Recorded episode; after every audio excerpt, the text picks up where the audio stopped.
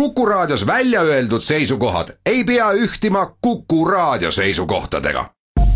Te kuulate Kuku Raadiot. stuudios on peaminister Jüri Ratas, tere päevast! tere päevast, aitäh kutsumast! Jüri, alustame värskest uudisest, mis puudutab nüüd reitinguid, Rahvusringhäälingu uudistetoimetuse tellitud Turu-uuringute aktsiaseltsi küsitlus annab Keskerakonnale endiselt populaarseima erakonna staatuse ja partei reiting on küll pisut langenud, kahekümne kuue protsendi peale.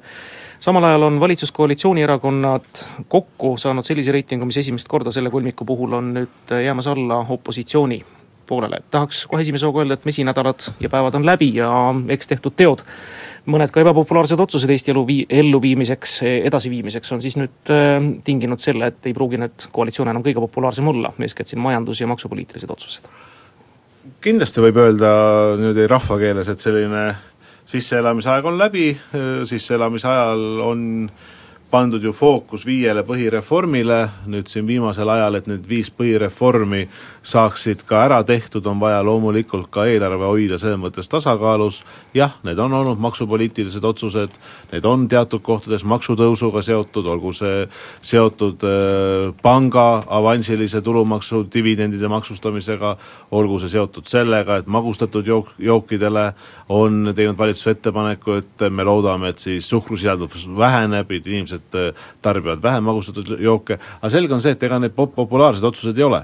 Et populaarsed otsused on need, mis olid seotud viie reformiga, need olid tervisereform, pensionireform, tulumaksuvaba miinimumi tõusureform, põllumajandusreform ja riigireform, et midagi ei ole teha, et valitsuses olles ei saa olla ainult nii, et et kõik, mis sa teed, on üdinisti pos-, positiivne, on vaja teha ka raskeid otsuseid ja ma arvan, pigem see näitab selle valitsuse tugevust, et me oleme selleks ka valmis riigi eelarvestrateegia ja majanduspoliitilised otsused on saanud nüüd värskelt siin no eeskätt opositsioonilt, aga ka mitmetelt ettevõtjatelt üsna hävitava hinnangu, mis te neile vastuseks oskate kosta? Ma oskan kosta vastuseks seda, et üldpõhimõte, ütleme kaks põhimõtet, üks põhimõte on olnud ju see, mida on ka Eesti Pank kogu aeg välja öelnud ja ka ettevõtjad, et need inimesed, kes Eestimaal te teenivad vähe või keskmiselt, et nende sissetulekut tuleb suurendada. mis selleks on valitsus vastu, mis otsuse vastu võtnud, et tulumaksuvaba miinimum järgmisest aastast tõuseb saja kaheksakümnelt eurolt viiesajale eurole. see tähendab inimeste rahakotis, kes teenivad tuhat kakssada eurot brutopalgana, kuuskümmend neli, neli eurot rohkem, jah loomulikult see osa eelarvest tuleb leida ka kate. nüüd teine asi, mida valitsus on teinud, on öelnud välja, et me ei me ei ole täna selles pot-, majanduskasvu potentsiaalis, mis tegelikult hinnangute järgi võiks Eestil olla. meie majanduskasv on väiksem kui meie potentsiaal. ja nüüd on vaidlus selle üle, et kas on meetmeid, et tõsta Eesti majanduskasvu võimalikult potentsiaali lähedale valitsus täna on öelnud välja seda, et me soovime teha teatud sisulisi muudatusi, näiteks need on seotud mõningate erisustega, näiteks laevandussektoris, et laevad tuleksid Eesti lipu alla tagasi, aga valitsus on öelnud ka välja selle, et me soovime teha teatud investeeringuid, strateegilisi investeeringuid, et läbi selle Eesti konkurentsivõimet tõsta. Ja nüüd on küsimus, kas see nii läheb, kas seda usutakse või seda ei usuta. tõsi, et investeeringute osas ei ole vaidlust näiteks valitsuse ja Eesti Panga vahel, mõlemad ütlevad, et strateegilised investeeringud on olulised, Eesti Pank ütleb, et see on ainult lühiajaliselt tähtis, pikaajaliselt see nii oluline ei ole meie näeme, et see on ka pikaajaliselt oluline, mida, mida me nende investeeringute all siis silmas peame, et kaks tuhat kaheksateist saab olema Eesti riigis üks koma neli miljardit investeeringuid, mis on ajaloo kõige kõrgem tase, strateegiliste investeeringute osas me peame silmas infotehnoloogiat, rahvusvahelist konverentsikeskust, kaitsekulutuste investeeringut, taristu investeeringuid peame silmas ja samuti elamufondi. Taristu investeeringute osas on nii rongiliiklus kui ka siis maantee, maanteeliiklus, noh toon ühe asja näitena ainult välja, kakskümmend viis aastat me räägime Via Baltica ehitusest, tegelikult ma, väga paljud on juba seda ära unustanud, samas ma arvan, et Via Baltica sõlm või Tallinn-Pärnu sõlm vajab paremat lahendust, Tallinn-Tartu sõlm vajab paremat lahendust ja Tallinn-Narva ühendus vajab kindlasti paremat lahendust nii raudtee kui maantee osas.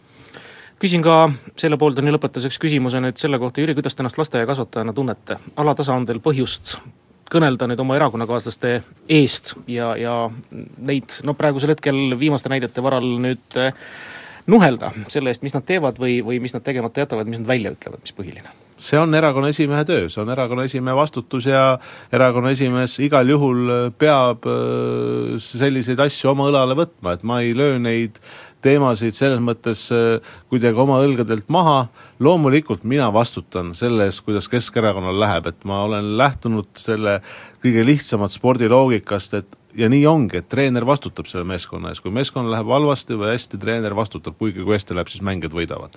aga kuidas ma tunnen, et äh, ma olen öelnud ju välja, et kui me räägime sellest eilsest juhtumist, kus äh, üks Riigikogu liige annab intervjuud Sputnikule, hoiab seda mikrofoni käes, siis see ei ole, see ei ole see tee, mida Eesti on täna valinud et äh, siin ei ole nagu mingisugust kõhklustki, et, et see on vale suund see käitumine ei, ma ei näe, et see võiks kuskil aset leida, meil oli täna erakonnaga erakorraline juhatus sellel teemal, üle tunni aja me arutasime neid teemasid ja ma loodan, et erakonna liikmed saavad, saavad aru, et äh, me ei anna intervjuusid äh, sellisele väljaandele, kes, kes ei teeni iseseisva Eesti riigi huve kes äh, teenib om, läbi oma propaganda hoopis ühe teise riigi hu, hu, huvisid see, et kui inimesed käivad pronkssõduri juures, panevad sinna lilli ja nii edasi, siin ei ole, siin ei ole minu poolt hukkamõistu, aga et me anname Sputnikule intervjuud seal, siis äh, see on halb ja see näib väga halb. no Tolga Ivanova sai teid kõvasti pragada. Jah, äh, loomulikult. Ma ütlesin oma arvamuse välja ja kindlasti emotsionaalsemalt kui hetkel siin raadiosaates Vox Populi. stuudios on peaminister Jüri Ratas, kes ootab heade kuulajate kõnesid numbril kuus, kaks, üks, neli, kuus, neli, kuus ja kaua pole tarvis oodata, esimene helistaja liinil, tervist! tere päevast, lugupeetud peaminister, minu nimi on Kalle ja mul on teile üks väide. nimelt me teame kõik, mis toimus aastaid tagasi Tõnismäel pronkssõduri juures. ja ma väidan, et sama asi hakkab pikkamisi toimuma Eh, üritustega sõjaväekalmistul ja täpsemalt niinimetatud surematu polgu eh, korraldamisega ja marssimisega Eesti Vabariigi tänaval. ja me ei tea, millega see võib ka tulevikus lõppeda ja seda ma väidangi, et läheb mõni aeg mööda ja see asi keeratakse jälle nii ülesse, et Eesti inimesed tulevad tänavatele ja politsei peab hakkama siin korda looma selleks, et eh, luua kord, põhiseaduslik kord meie vabariigis. ja ma olen väga mures meie poliitikute pärast, kes lasevad sel pikki tasakesi äh,, nagu öeldakse, minna. ma saan aru, kuidas äh, meie vastaspool kompab neid piire, kui kaugele neil lubatakse minna äh, nende lippude, nende loosungitega, nende äh, Vene sõdurite mundritega, mis siin eile Viltri teel oli, mida ma ise oma silmaga nägin. Et tänan teid, aitäh! Hea Kalle, aitäh kõigepealt äh, heade sõnade eest ja küsimuse eest. ma ei nõustu selle väitega ja annaks äh, jumal, et see teie tulevikuprognoos ei lähe täppi. Ja ma arvan, et äh, hetkel, mida ma oskan teile öelda, et kui kaks tuhat kuus, kaks tuhat seitse oli väga terav see küsimus seoses Tõnismäega, kus pronkssõdur asus. ma olin toona Tallinna linnapea ja ma sain päris palju ja operatiivset infot toona politsei käest, eeskätt Põhja politsei prefektuuri käest. ma olen täna peaminister ja ma saan samamoodi päris palju sellist eelinfot politsei käest ja ma ütlen, et äh, väga hea, et need infod selles mõttes erinevad, et sellist äh, ärevat olukorda, sellist äh, ohtlikku olukorda, mis oli kaks tuhat kuus, kaks tuhat seitse, täna kindlasti ei ole, need on hoopis erinevad situatsioonid.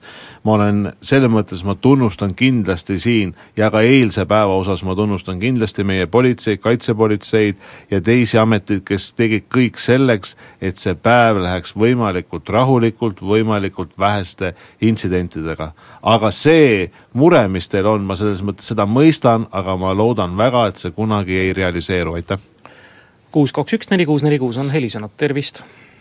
tere päevast, ma olen üritas küsida seda, see Ivanova, kes seal neid pronkssõduri juures käis, mikrofon käes ja kas te ei tundu, et see on mingisugune provokatsioon? kas see oli Sputniku poolt siis, et ta sinna läks või teda, nagu öeldakse, ära ostis või pettis sinna või, või oli see tema enda initsiatiiv, selgitage natuke lähemalt seda seika, aitäh!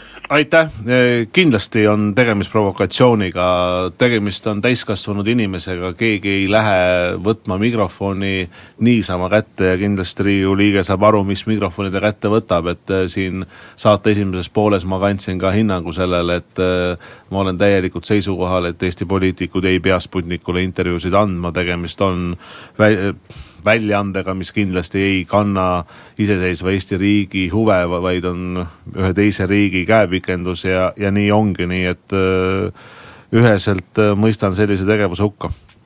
kuus, kaks, üks, neli, kuus, neli, kuus, tervist! halloo! hallo, tere! kallis vend Kristused, ka mina olen usklik, julgen tunnistada. tähendab, mida siis Keskerakond nüüd on ette võtnud Äh, ma ei tea, kas mu sõbranna rääkis õigust või ei, temal on see telekas lahti ja oli vaadanud selle infotundi, ütles niimoodi, et olid need Keila omad vastu, mis nad olid, aga nüüd pandi teid ikka Paldiskiga kokku. kas see on tõesti sündinud või? aitäh teile, et tuleb kõigepealt sõbrannat tunnist-, tunnustada, et sõbranna on teil väga operatiivne, et infotund lõppes kuskil kolmkümmend kaheksa minutit tagasi ja teie sõbranna juba teile infot annab. tõsi on see, et infotunnis äh, riigihalduse minister Mihhail Korb vastas öö, äh, omavalitsuse liitumise osas ja vastas ka küsimuse osas, mis oli seotud siis võimaliku viie omavalitsuse kokkupanemisega, milleks on Keila vald, Keila linn, Paldiski, Vasalemma ja Padise. ei, sellist otsust ei ole lang-, langetatud valitsuse poolt, et need viis omavalitsust pannakse kokku, valitsus on teinud vastava ettepaneku viieteistkümnendal veebruaril, täna on aega kuni viieteistkümnendal maili omavalitsustel vastust anda, Keila linna elanikud on väga selgelt andnud teada, et nemad seda liitumist ei soovi ja nüüd on valitsusel alates viieteistkümnendast maist seaduse järgi kaks kuud aega kuni viieteistkümnenda juulini, juulini teha oma lõplik otsus. ma loodan väga, et valitsus saab oma lõpliku otsuse teha varasemalt, vähemalt kuu aja jooksul, kas siis viieteistkümnendaks juuniks või ennem jaanipäeva ja lõplikku otsust Keila linna liitmise või mitteliitmise osas kindlasti tehtud ei ole. järgmine helistaja, ütleme tervist.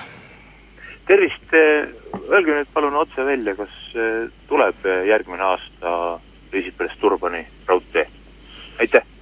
aitäh, eh, valitsus arut-, on arutanud kahel kabineti nõupidamisel strateegilisi investeeringuid ja arutab seda homsel kabineti nõupidamisel kolmandat korda.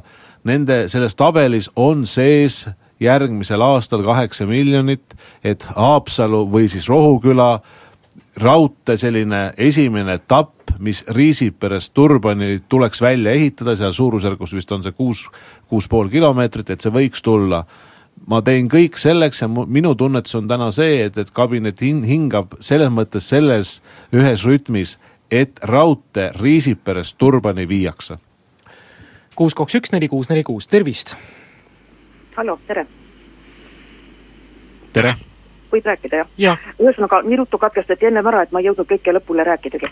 ühesõnaga, äh, kui teil seal häid nõuandjaid ei ole ja üleüldse ma ütleksin niimoodi, et, et laske oma nõuandjad kõik lahti ja võtke üks ainukene valitsusse, number üks Eestis, aga võib-olla terves maailmas oma ajupotentsiaalid, võtke härra Einar Laigna, vot tema räägib teile paljud asjad selgeks ja annab head nõu ma tänan teid ettepaneku eest, aga siiski ma tunnustan väga neid äh, ametnikke, kes töötavad Riigikantseleis, kes on peaministri lähedasemad nõuandjad ja loomulikult ka ministeeriumites ministrid, et et selles mõttes ärge muretsege, et äh, peaministril on äh, professionaalsed teenistujad ümber, kes annavad head nõu, aitäh teile! tervist! jaa. kuuleme. tere jõudu kas sa küsimus? jaa, palun. küsimus niisugune, kas see lõplikult saaks selgeks niisuguse asja, kes on, tähendab, selle Rail Balticu otseliini, nagu öeldakse, selle Tallinn-Pärnu liini poolt ja, ja miks, miks ei kasutata odavamat varianti läbi Tartu? Aitäh küsimuse eest! Aitäh küsimuse eest, et äh, kes on selle liini poolt Tallinn-Pärnu, Jüri Ratas näiteks on selle liini poolt, et Rail Baltic läheks läbi Tallinn-Pärnu siis Läti ja Leedu suunas, miks, sellepärast et see on kiirem ühendus, kui te ütlete, et Tallinn-Tartu ja läbi, läbi Tartu ja läbi Kagu-Eesti siis minna Lätti on odavam, siis ei, ta ei ole odavam, ta on pikem, ta on ajaliselt äh, kindlasti, võtab kauem aega, ta on rahaliselt kulukam olgem ausad, need otsused, et kui Rail Baltic tuleb, et ta tuleb läbi Harju, Rapla ja Pärnumaa, need otsused on tehtud viimase kümne aasta jooksul, et kogu seda öö, otsustusprotsessi pöörata ümber, siis selles otsustusprotsessis see ei ole enam võimalik.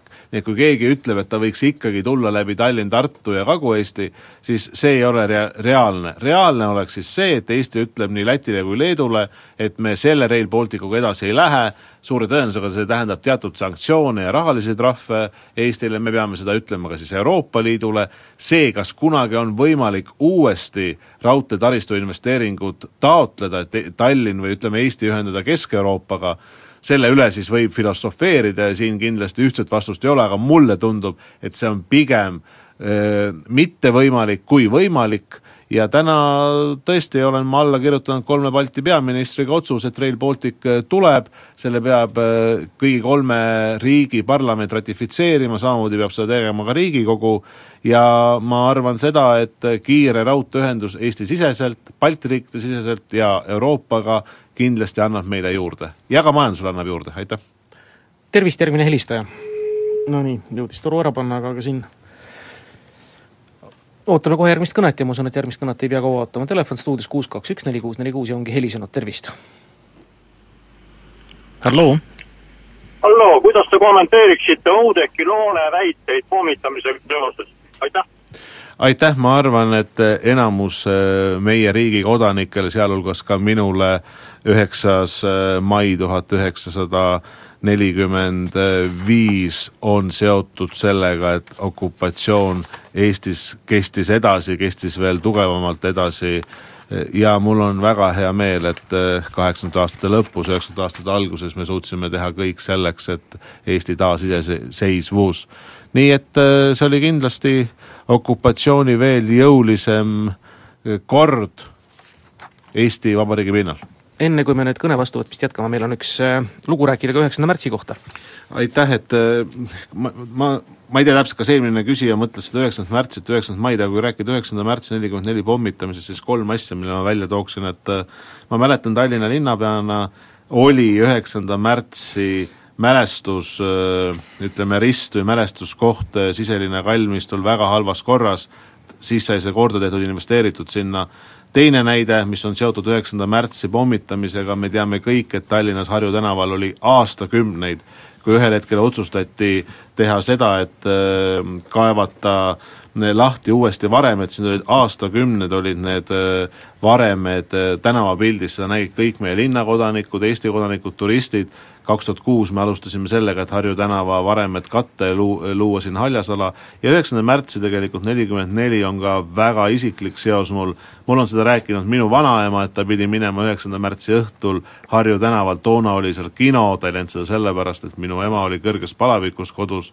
mis tähendab seda, et üheksas märtside pommitamine on väga traagiliselt meie inimesi ja peresid puudutanud. kena, aga nüüd jätkame kõnedega ja telefonil on helistaja, tervist teie kui Keskerakonna esimees, on ju, nagu ma aru saan, te juhite erakonda, mitte keegi Savisaare taoline mees. et äh, seal öeldi välja, tervitati äh, Savisaare nimel neid äh, ja, ja te ei saanud hästi aru selle teise mehe, eelmise helistaja küsimusest. ta ütles, et Loone ütles niimoodi, et üheksa, tänu üheksandale mail, see nüüd, mis oli, on ju mis nad tõid vaba, selle võitsid Saksamaa, et nad tõid Eestile ka selle vabaduse, tänu sellele, et see sõda võideti äh,, sai ka Eesti, Eesti riik säilis, mis on ju täitsa lollus. et kuidas te seda kommenteerite, pigem see mees küsis teil seda, on ju. et ärge keerutage, on ju aitäh teile, hea küsija, ma just äh, enne reklaami vastasin selle üheksanda mai kohta ja kui te ei kuulnud, vastan teile uuesti, et äh, üheksas mai nelikümmend viis tähendas Eesti riigile, et okupatsioon jätkub ja veel raskemal, veel raskema korra all. Äh, teiseks, kes juhib Keskerakonda, Keskerakonna esimees on Jüri Ratas. kuus, kaks, üks, neli, kuus, neli, kuus, järgmine kõne, tervist! tervist! mul selline küsimus kuidas läheb uue juhtimisstiili äh, rakendamine ja milles see üldse seisneb ja kas nüüd arvestatakse rohkem äh, ka rahva arvamust, tänan. aitäh teile selle küsimuse eest, kindlasti läheb töiselt, kuidas, milles see seisneb, seisneb kindlasti selles, et erakond on minu arvates selline demokraatlik laiapõhjaline organisatsioon, kus võimalikult paljude liikmete orga-, piirkondade juhatuse arvamust tuleb kuulda võtta, ma ütleksin nii, et meil on sellised juhatuse koosolekud regulaarsed, need on töised juhtkonna koosolekud, nii nagu igal organisatsioonil töö, töönädala alguses toimuvad ka meil ja töö, töönädala keskel, ma hindan kindlasti seda koostööd väga-väga kõrgelt milles see veel seisneb, et Keskerakond peab lahti saama oma rahalistest muredest, me oleme välja öelnud, et ja probleemidest, me oleme välja öelnud, et selle võimaluse annab meile, kui me müüme oma kinnistu maha, mis asub vanalinnas Toombrüti kolm viis, hetkel see protsess on käigus, ma loodan, et me saame õige pea anda ka teada, et äh, me oleme saanud oma kinnistu maha müüa, mis vabastab Keskerakonda väga paljudest rahalistest nõuetest, et erakond saaks tegutseda selles valdkonnas, milleks ta on loodud, et oma programmi Eestis, Eesti ühiskonnas tutvustada, seda ellu viia, mitte igapäevaselt sõdida kohtupinkide vahel ja sõdida erinevate korruptsiooninähtustega, nii et need on need muudatused kindlasti, mida ma soovin erakonnas ähm, esile kutsuda ja ma arvan, paljud neist on juba esile kutsutud ja töös. järgmine helistaja, tervist! tervist, väga kevalised küsimused, aga mul on võib-olla niisugune labane küsimus, millele ma arvan, et et äh, härra peaminister ei, võib-olla ei oskagi vastata, aga ma esitan selle küsimuse ikkagi sellega, et äh, võib-olla ta saab seda küsida hiljem mõne asjaga seotud isiku käest. et mul tekkis niisugune küsimus, et meil on koolide reform või kuidas seda nüüd nimetatakse, et äh, riigigümnaasiumite asjade loomine. ja küsimus on niisugune väga imelik, kas kõikides uutes rajatavates ja remonditavates koolides on arvestatud ka ratastoolidega õpilastele et enam ei pea tulevikus kuulma seda, kuidas rataskooli õpilased peavad oma haridustee katkestama, kuna koolis ei ole võimalik ratastooliga korruste vahel liikuda. mis on suunatud küsimus nagu, et kas kõikidesse koolidesse tuleb ka puuetele inimestele lift?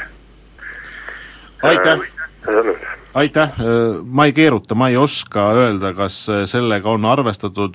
Ma lähtun loogikast ja ma olen enam kui kindel, et riigigümnaasiumite loomisel sellega arvestatakse, et liikumispuuetega inimesed saavad liikuda, ma tean Tallinna näitel, kui oluline on, on see olnud, näiteks eh, siin kümmekond aastat tagasi oli suuresti teema üleval, et kas reaalkooli, kus oli liftišaht olemas, et kas sinna lift ehitada või mitte. Ja toona sai siis aidatud selle investeeringu osas.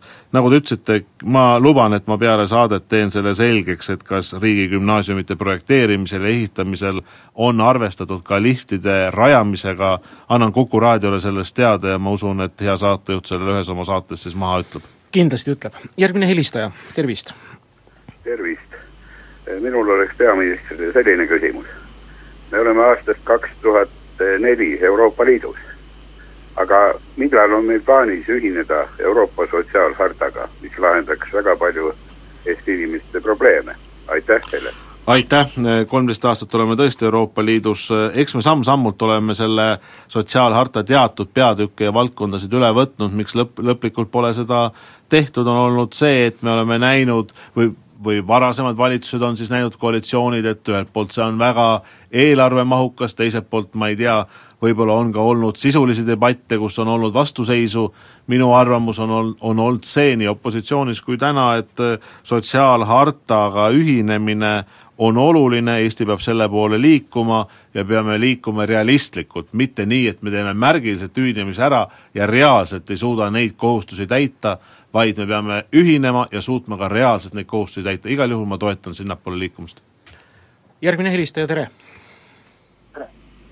et äh, mul on küsimus peaministrile, et see on rääkige tõusi, palun. nüüd me ei kuule kohe mitte midagi. aru nii, palun. energeetika probleemid, kus, kus, kus siis ähm, äh, meie peaminister ütles ka välja seda, et me peaksime ühinema Põhjamaa sagedusalaga. et, et äh, küsimus selline, küsimus on selline, et, et, et kui palju see maksma läheb ja kui palju siis, äh, kas on tehtud ka mingi mõjude analüüs, et palju siis äh, võrgutasud järjekordselt äh, kallinevad? Ja kas üldse on, kas see on, kas on see läbi arutatud, et kas see üldse võimalik on äh, selline, sellise kaabli, kaabli ehitamine, vahelduvoolu kaabli ehitamine? Aitäh! aitäh, hea küsija, et kõigepealt ma ütlen, et küsimus oli väga katkendlik, aga ma püüan siis äh, selle pinnalt, mida me kuulsime, vastata, et äh, punkt üks, Eesti soovib tõesti desünkroniseerida oma energiatarbimise Vene Föderatsioonist. miks me seda soovime, sellepärast et ta on väga tugevasti seotud meil julgeolekuriskiga. punkt kaks, Äh, Eesti on äh, kolme Balti pea, peaministriga, nii Läti, Leedu kui Eesti peaminister on öelnud, et meie esimene soov on liituda või desünkroniseerida oma elektriturg läbi Poola kus on praegust vaidluskoht, vaidluskoht on see, et Eesti ja Läti soov on, et kui me sünkroniseerime seda läbi Poola, et siis oleks vähemalt kaks alternatiivset ühendust. olgu nii palju öeldud, et hetkel Baltikumi elektriturul on üheksa erinevat ühendust, seda nii Vene Föderatsioonis kui Valgevenest. nüüd, mis on kolme Balti riigi soov, et Poola ütleks konkreetse vastuse selle aasta lõpuks, kas ta näeb siin koostööd või ta ei näe siin koostööd. kui Poola siin koostööd ei näe, siis on tõesti teine alternatiiv ja see on läbi Põhjamaade, läbi Skandinaavia.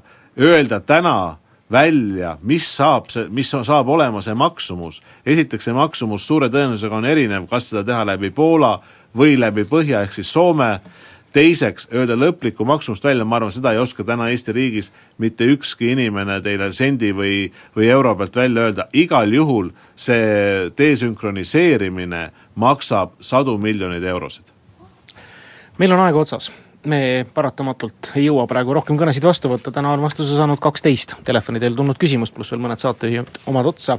me täname väga Jüri Ratast täna stuudiosse tulemast, kõigile küsimustele vastamast, täna olid üsna eriilmelised küsimused, aga ikkagi päevakohased ja oli ka praktilisi mureküsimusi, me loodetavasti saame siis ka mõnele küsimusele vastuse, millele me täna vastust ei teadnud, konkreetselt oli neid üks. tihe päevaprogramm ootab teid ees ja veel tihedam nädala lõpp, meil on väga palju külalisi tulemas jah, meil on tõesti väga palju väliskülalisi tulemas, see on peaministri üks tööroll, et tuleb äh, kindlasti suhelda ka välispoliitiliselt, näiteks reedel on siin Eestis Gruusia peaminister, näiteks reedel on siin Eestis Euroopa Liidu välispoliitika kõrge esindaja, nii et ja selle nädala lõpus toimub ka Lennart Meri konverents, nii et meil on, äh, on päris töine ka rahvusvahelises pildis ja ma arvan, see on hea, et Eesti soov on kogu aeg olnud olla rahvusvaheliselt tugevalt ja pildis. ma tänan saatejuhti, ma tänan küsijaid, luban, et annan selle lifti küsimuse ka teada, mis oli seotud riigigümnaasiumitega ja kui Kuku raadio on nõus, siis kindlasti sama saade saab olema seitsmendal juunil